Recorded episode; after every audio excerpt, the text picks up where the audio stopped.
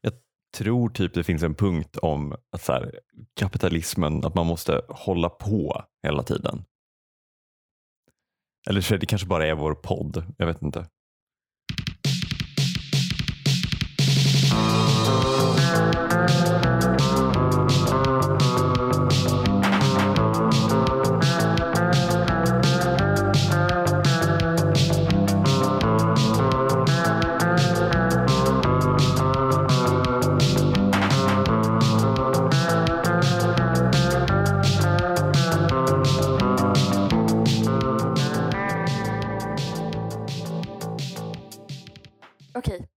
Att bli chockad. Det, alltså, fan, det förstörde ju chockfaktorn att jag sa att jag skulle chocka dig. Okej. Jag, jag, jag, alltså seriöst, det enda jag hade var så här, fan vad gott det är med mjölk. Ett glas kall, alltså komjölk. Ett glas kall komjölk. Jag har, först, jag har förstått att det här är en killegrej. nu är verkligen PK-eran över. Ja, ja eller hur? Eh, nu, nu träder han fram som den han är. Mitt uteslutningsärende hos Vänsterpartiet ligger redan på bordet. Det är väl just att det har um, blivit lite förbjudet som gör det lite extra gott. Är det inte det?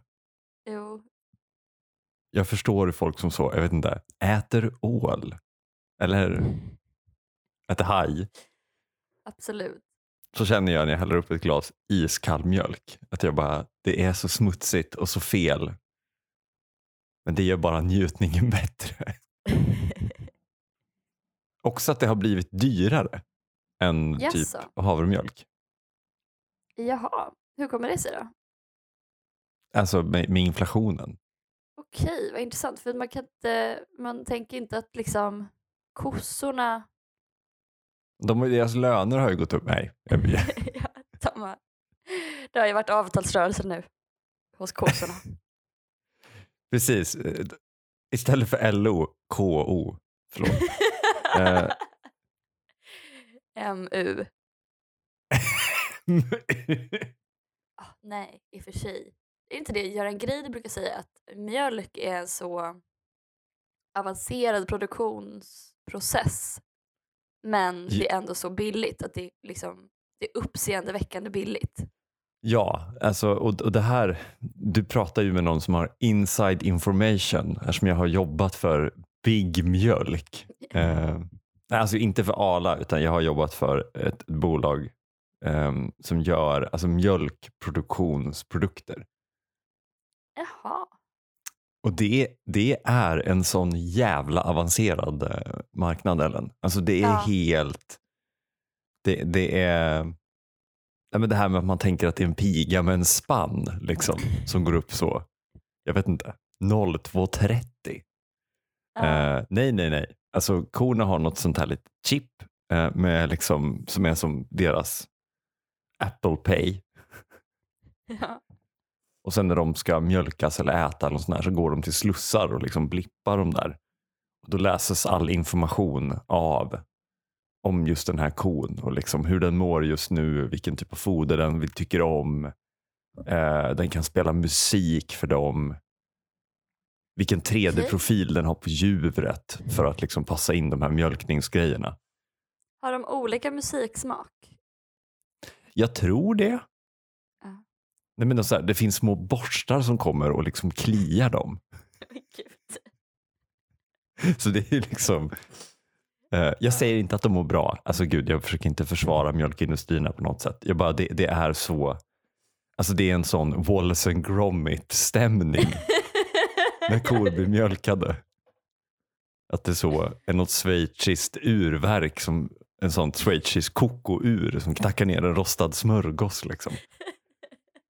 Ehm, men det kan vi tacka svenskarna för. Det är mycket vi som har, har drivit det här. Ehm, det är vi tror jag och spanjorerna. Och den skillnaden är att våra produkter är inom citationstecken lite snällare. Jaha. Men ta typ den här juvergrejen. De, Spanien har också det, men istället för att ha en jävla massa sensorer så har de armar som kommer och bara dunkar på djuret tills den hittar en spene. Landet, landet kända för sin tjurfäktning. Är det här en spelare? Nej. Är det här en spelare? Nej. I och för sig lite så som eh, alltså killar i början av sin älskarkarriär. är det också så, liksom programmera, lär sig så här, vad gillar hon för musik, liksom mekaniskt borsta lite på hennes hår. Jag tänkte precis säga det att eh, det är väldigt eh, killig stämning. Alltså det, det är inte bara det att det inte är en piga med en spann. Mm. För det är liksom, om tjejer hade fått bestämma så hade hela mjölkindustrin varit så. En piga Mm. med en spann. Mm. Men nu när killar får bestämma, då är det så här. Det ger ju en glimt i vad som skulle hända om killar fick free reign för att bestämma liksom allt för tjejer. Ja. Så bara, men gud, kan inte du liksom lära dig vad jag tycker om i sängen? Så bara, nej, det kan jag inte. Men jag kan bygga en 3D-modell av ditt juver. Det, jag har byggt The Clit Searcher 3000. eh, jag har ett killproblem. Mm.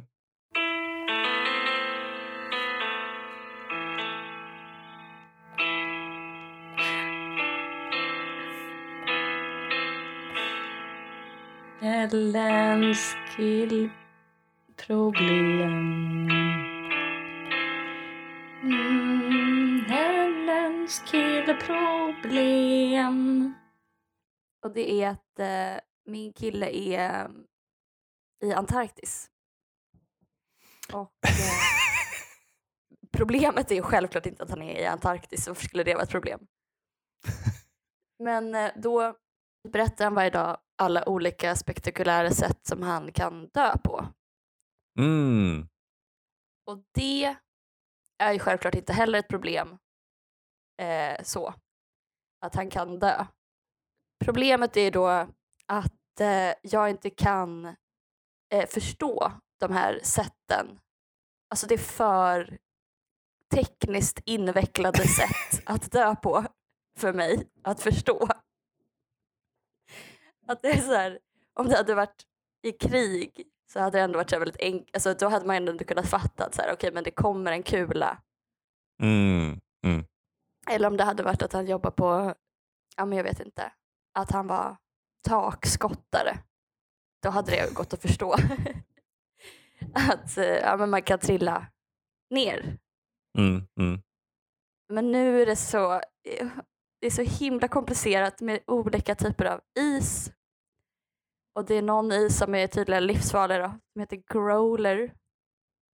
Mm. Sjöis, landis, förstaårsis, flerårsis, packis. Ja, och då kanske han säger så här. När stänk av havsvatten kommer i kontakt med fartygets däck, däckbeslag och bygge vid temperatur under noll kan reducerad stabilitet uppstå som resultat av påtagliga ispåbyggnader ovanför fribordet. Man bara, vad betyder, vad är fribord, vad är däckbeslag? Eh, ispåbyggnad kan medföra andra faror som radarfel, antennfel, fallerande navigationsutrustning på grund av isiga master, fallerande maskineri på däck, blockerad tankventilation, reducerad sikt genom bryggventilerna. Graden av ispåbyggnad beror på rådande lufttemperatur och bordläggningens ytojämnhet. Är det här era kärleksbrev till varann? Eller ja, det här är bara rakt av, vi läser upp ur chatten. fint att du är ihop med Wikipedia. det, här, det här kanske han också säger då. Satelliter med en geostationär omloppsbana som Inmarsats satelliter saknar täckning i polarområdena. Och då kanske jag säger, har ni rigid huled, inflatable boats som heter Zodiac med utombordare som är 50 hästkrafter och thermal protective aid. Nej, men sen så kanske jag säger att det inte finns korrekta och kompletta hydrografiska data. ja, och då kanske jag frågar, har ni ett interiörsteam som, eh, som jobbar med verktyg för att kunna stoppa en läcka från insidan med, mellan spanterna? Har ni magnetiska lakan på utsidan? ja, kör ni mycket tendering med Zodiacs? Älskling. Jag hoppas verkligen. Jag förstår, det låter jättejobbigt, men gör lite tendering med era Zodiacs. Du vill ju ändå att han ska komma hem till dina magnetiska lakan. Nej men det är så hemskt för det, alltså, jag känner mig verkligen för första gången som att jag saknar en ingenjörsexamen. Alltså det här är första gången en ingenjör har varit mer empatisk än jag Mm. och förstående. Alltså det hade krävts för att kunna engagera mig ordentligt och verkligen eh, eh, förstå vad han går igenom så måste jag liksom tyvärr gå på KTH i fem år. Nej men också för ifall det, i, ifall det dör, eh, ifall han, det dör, ifall han dör när folk kommer, folk kommer och frågar dig så, men gud hur känns det? Och du bara, jag kan inte förstå det. Och de bara, nej men det är hemskt när någon dör. Du bara, nej alltså jag kan inte förstå hur han dog. Och de bara, nej vi förstår. Och du bara, nej alltså jag kan inte fysiskt förstå. Vad är en, en, en tender blind? Vad är spant? Jag har fortfarande, jag har fortfarande inte sagt vad spant betyder. Punkt 590. En kompis kille jobbar på Pensionsmyndigheten och jag är så fascinerad. Överlag är väl pensionen alla våras egen klimatkrisen. Ja, verkligen. Det här med att en kompis kille jobbar på Pensionsmyndigheten, det är en kompis man nu för tiden. Men, men också, eh, jag vill bara skryta om att jag känner någon på pension. Var det också ett skryt om att de fortfarande är ihop? Eller? Så jävla, jag känner folk med så jävla hållbara relationer. Lojala. Nej men, nej men alltså just med pensionen att det är att den, den kommer, den är på G. Allt Ja. du gör nu påverkar, påverkar den i framtiden. Mm. Eh, och den är resultatet av ett system som ingen riktigt förstår. Nej. Vet du vad pensionen är? Det är ett hyperobjekt. Som Timothy Morton skriver om. Att det är ett objekt som är så stort att det inte går att ta in. Mhm. Nej men alltså för vårt pensionssystem är ju tydligen då källa Ekonomiekot eh, eller någon som var med i Ekonomiekot så här, eh, jätte jättebra. Eh, Ur en internationellt sett. Liksom. I och med att det är typ self-containing. Alltså det ligger inte på statsbudgeten utan det ligger i separata fonder, de här AP-fonderna. Och att det liksom är, ja jag vet inte, det är väldigt smart uträknat eh, hur, hur det funkar och hur, hur de här fonderna fylls på medan vi jobbar. Ja. Och sen betalas det ut och att du, du betalar ut nu men du får ju ut någon annans pengar. Alltså någon annan som har jobbat före dig. Eh, Ah, de pengarna som de har, har lagt in. Liksom. Men eh, det, det, någonstans så vet man ju ändå att så här, det spelar ingen roll om jag inte också har typ en fet eh, tjänstepension eller kanske ett privat sparande och typ har sett till att göra mig av med alla mina skulder innan jag går i pension så kommer jag ju gå ner väldigt mycket i levnadsstandard. Liksom. Ja. Jag tror att det är väldigt många människor som går ner till liksom 60 procent tror jag av den inkomsterna de har nu. Mm. Och Man kan ju gå in på sånt här minpension.se och göra en pensionsprognos baserat på hur mycket man har arbetat in just nu och så får man upp någon sån här pyramid som ska visa liksom eh, inkomstpension, tjänstepension och privatsparande och hur mycket det liksom går ihop och hur, hur de här pengarna kommer betalas ut och så har du någon slags kurva som går upp och ner och sådär. Mm. och det är alltid deprimerande läsning. Ja. Om, om man inte är beredd att lägga undan jättemycket pengar eller typ gå upp jättemycket i lön. Eh, vilket är sådana tips de har. Så här, har du, Är du missnöjd med din- ja, är du missnöjd med din pension? Se över din lön. Man bara, tack. Eh, kolla om du har kollektivavtal. Eh, det är väl i och för sig alltid värt att göra, speciellt för pensionen, så att du har en ordentlig eh, tjänstepension. Eh, nu, bara för att liksom plugga lite, stoppa in lite, lite kunskap här. De, väldigt många aktörer, även om de inte har kollektivavtal, har eh, någon form av tjänstepension. Men det du är ute efter, det du vill ha är en kollektivavtalsenlig eller enligt kollektivavtal tjänstepension. Det påverkar eh, slutet, slutet på ditt liv eh, mycket. Så, slut på eh, samhällsinformation. Men det finns ju väldigt många likheter då med klimatkrisen. Att så här, det, det, det, påverkar det vi gör idag, påverkar det är ett komplext system som du sa, det är ett vad sa du, hyperobjekt. Mm. Och kapitalet är all over det för att försöka lösa åtminstone känslan av att det är på väg att gå åt helvete. Det finns ju en jävla massa appar nu som du kan ladda ner eh, där du kan liksom pensionskompensera. När du köper någonting eh, med telefonen så stjäls procentuellt belopp från det köpet till din pension. Så att om du springer och köper en kaffe för 20 spänn så drar den två kronor till och lägger i ditt pensionssparande. Okej. Som en liten moms. En liten pensionsmoms. Liksom. Pensionsmoms.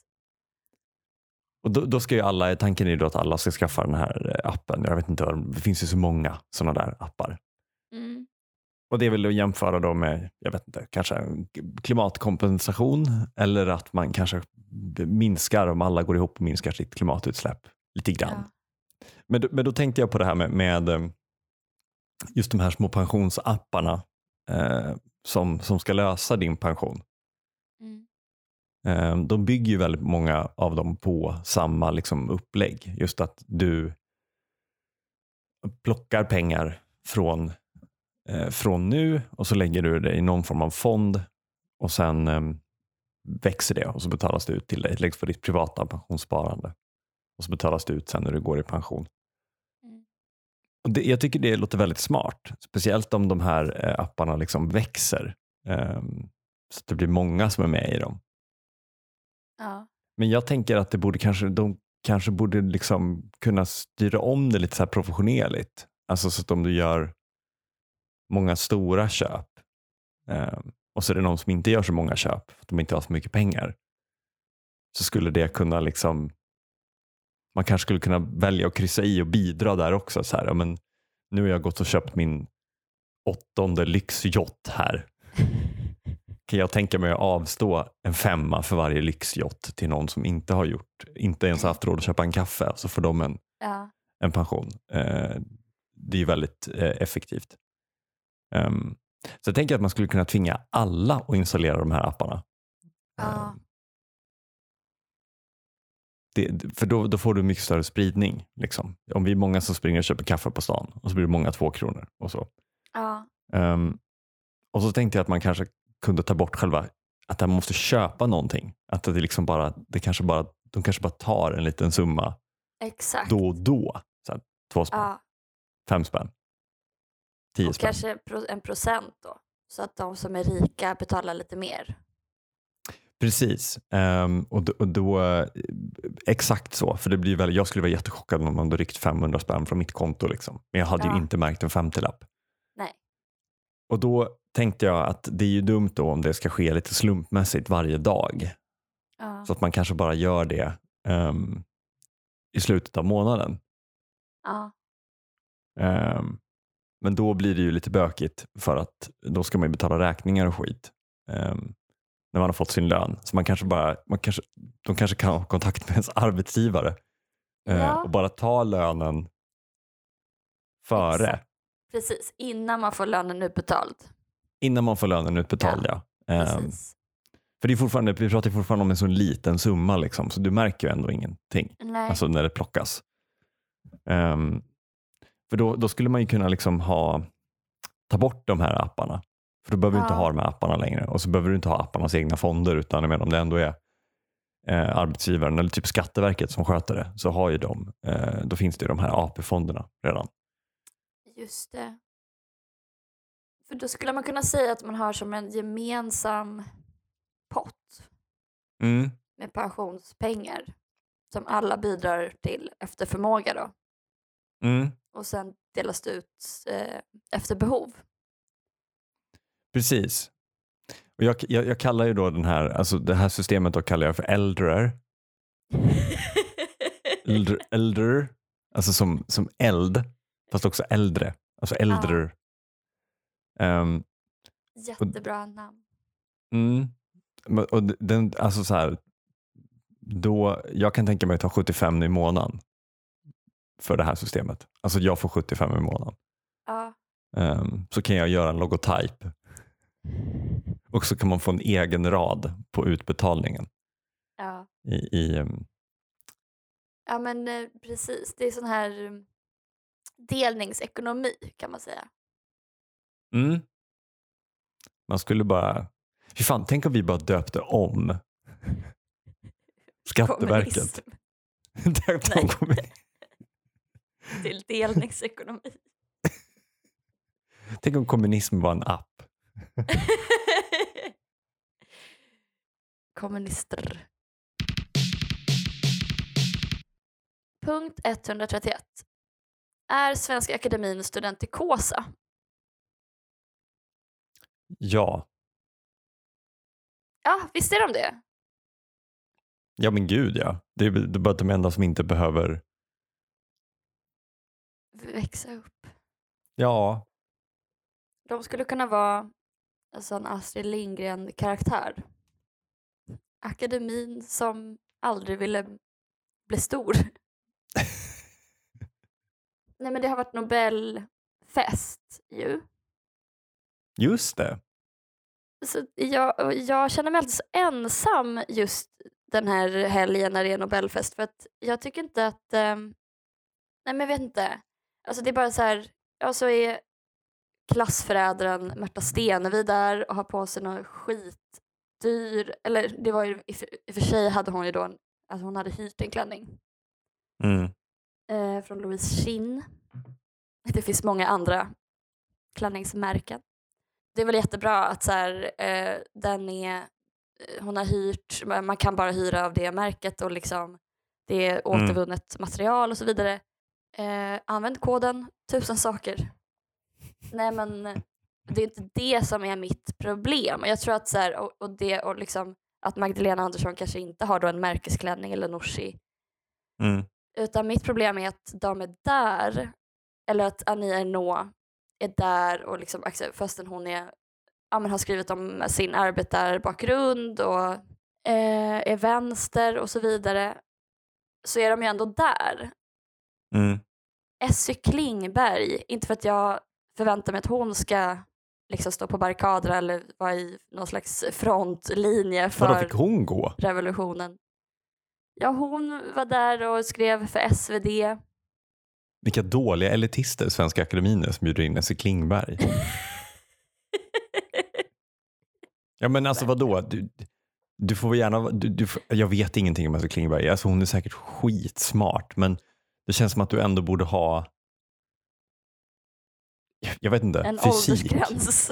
Nej, men att du så har liksom åtminstone en kandidat i något, ja. liksom, typ skalbaggar. En klassgräns borde de ha, inte en åldersgräns. Jag hade köpt om Göran Greider hade fått gå. Typ så. Han hade ju aldrig gjort det. Men... Nej, för, det, det, för det, det tänker jag faktiskt att han kanske inte skulle gå. Jag hoppas i alla fall. För jag känner att jag intuitivt, instinktivt hatar mm. borgerligheten och hatar etablissemanget. Mm. Och så tycker inte jag att folk verkar tycka så mycket. Eh, jag vill inte sitta och äta gös med gös som de hade på menyn. En gös fylld med gös.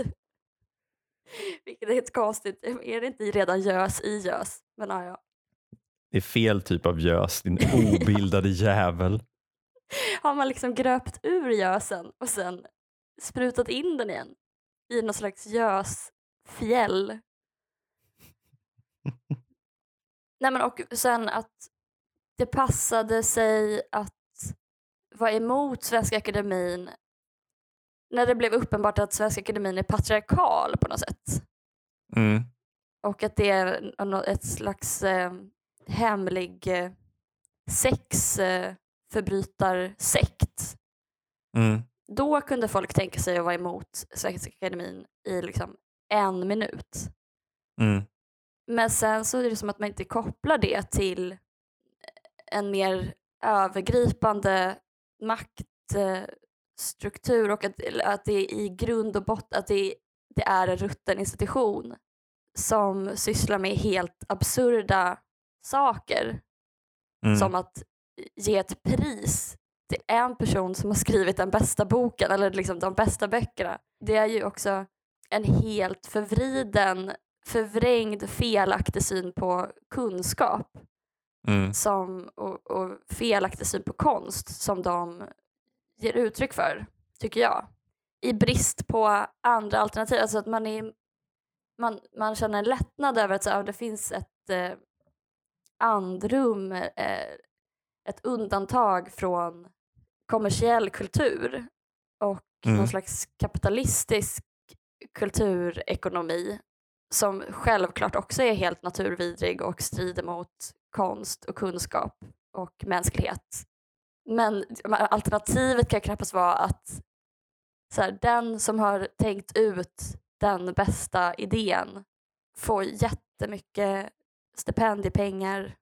Jag förstår vad jag menar? Alltså, så- det är Mm, liksom, mm. Bara för att alternativet är värre eller lika illa så Mm. betyder det inte att det är okej att sitta och, jag vet inte, äta gös med gös med Anders Olsson. ja, jag saknar Sartre.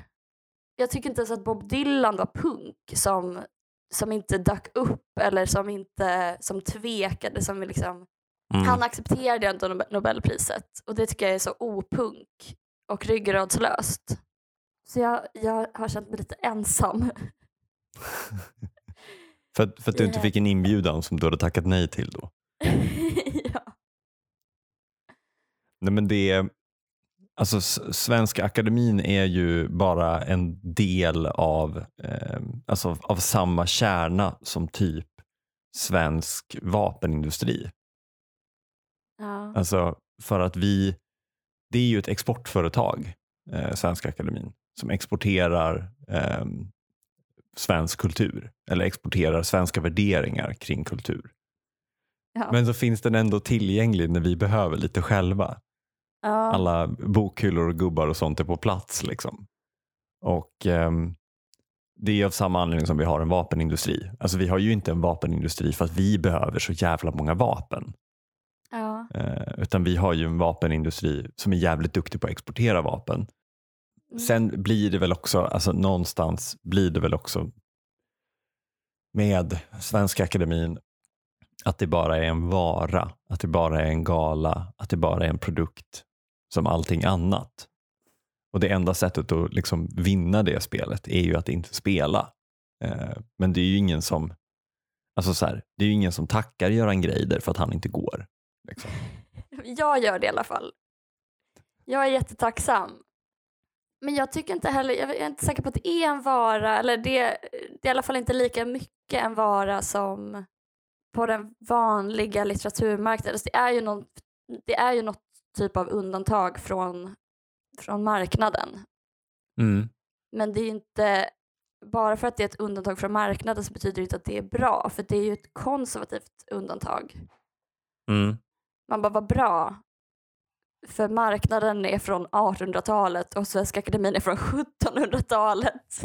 Och vad är, vad är bäst? Ska vi ha att kungen bestämmer då över kulturen eller ska vi ha att marknaden bestämmer? Och jag tycker det är två dåliga alternativ. Tack Ellen, eh, jättekul. Hej då! Hej då! Puss. Puss! Hej. Thank.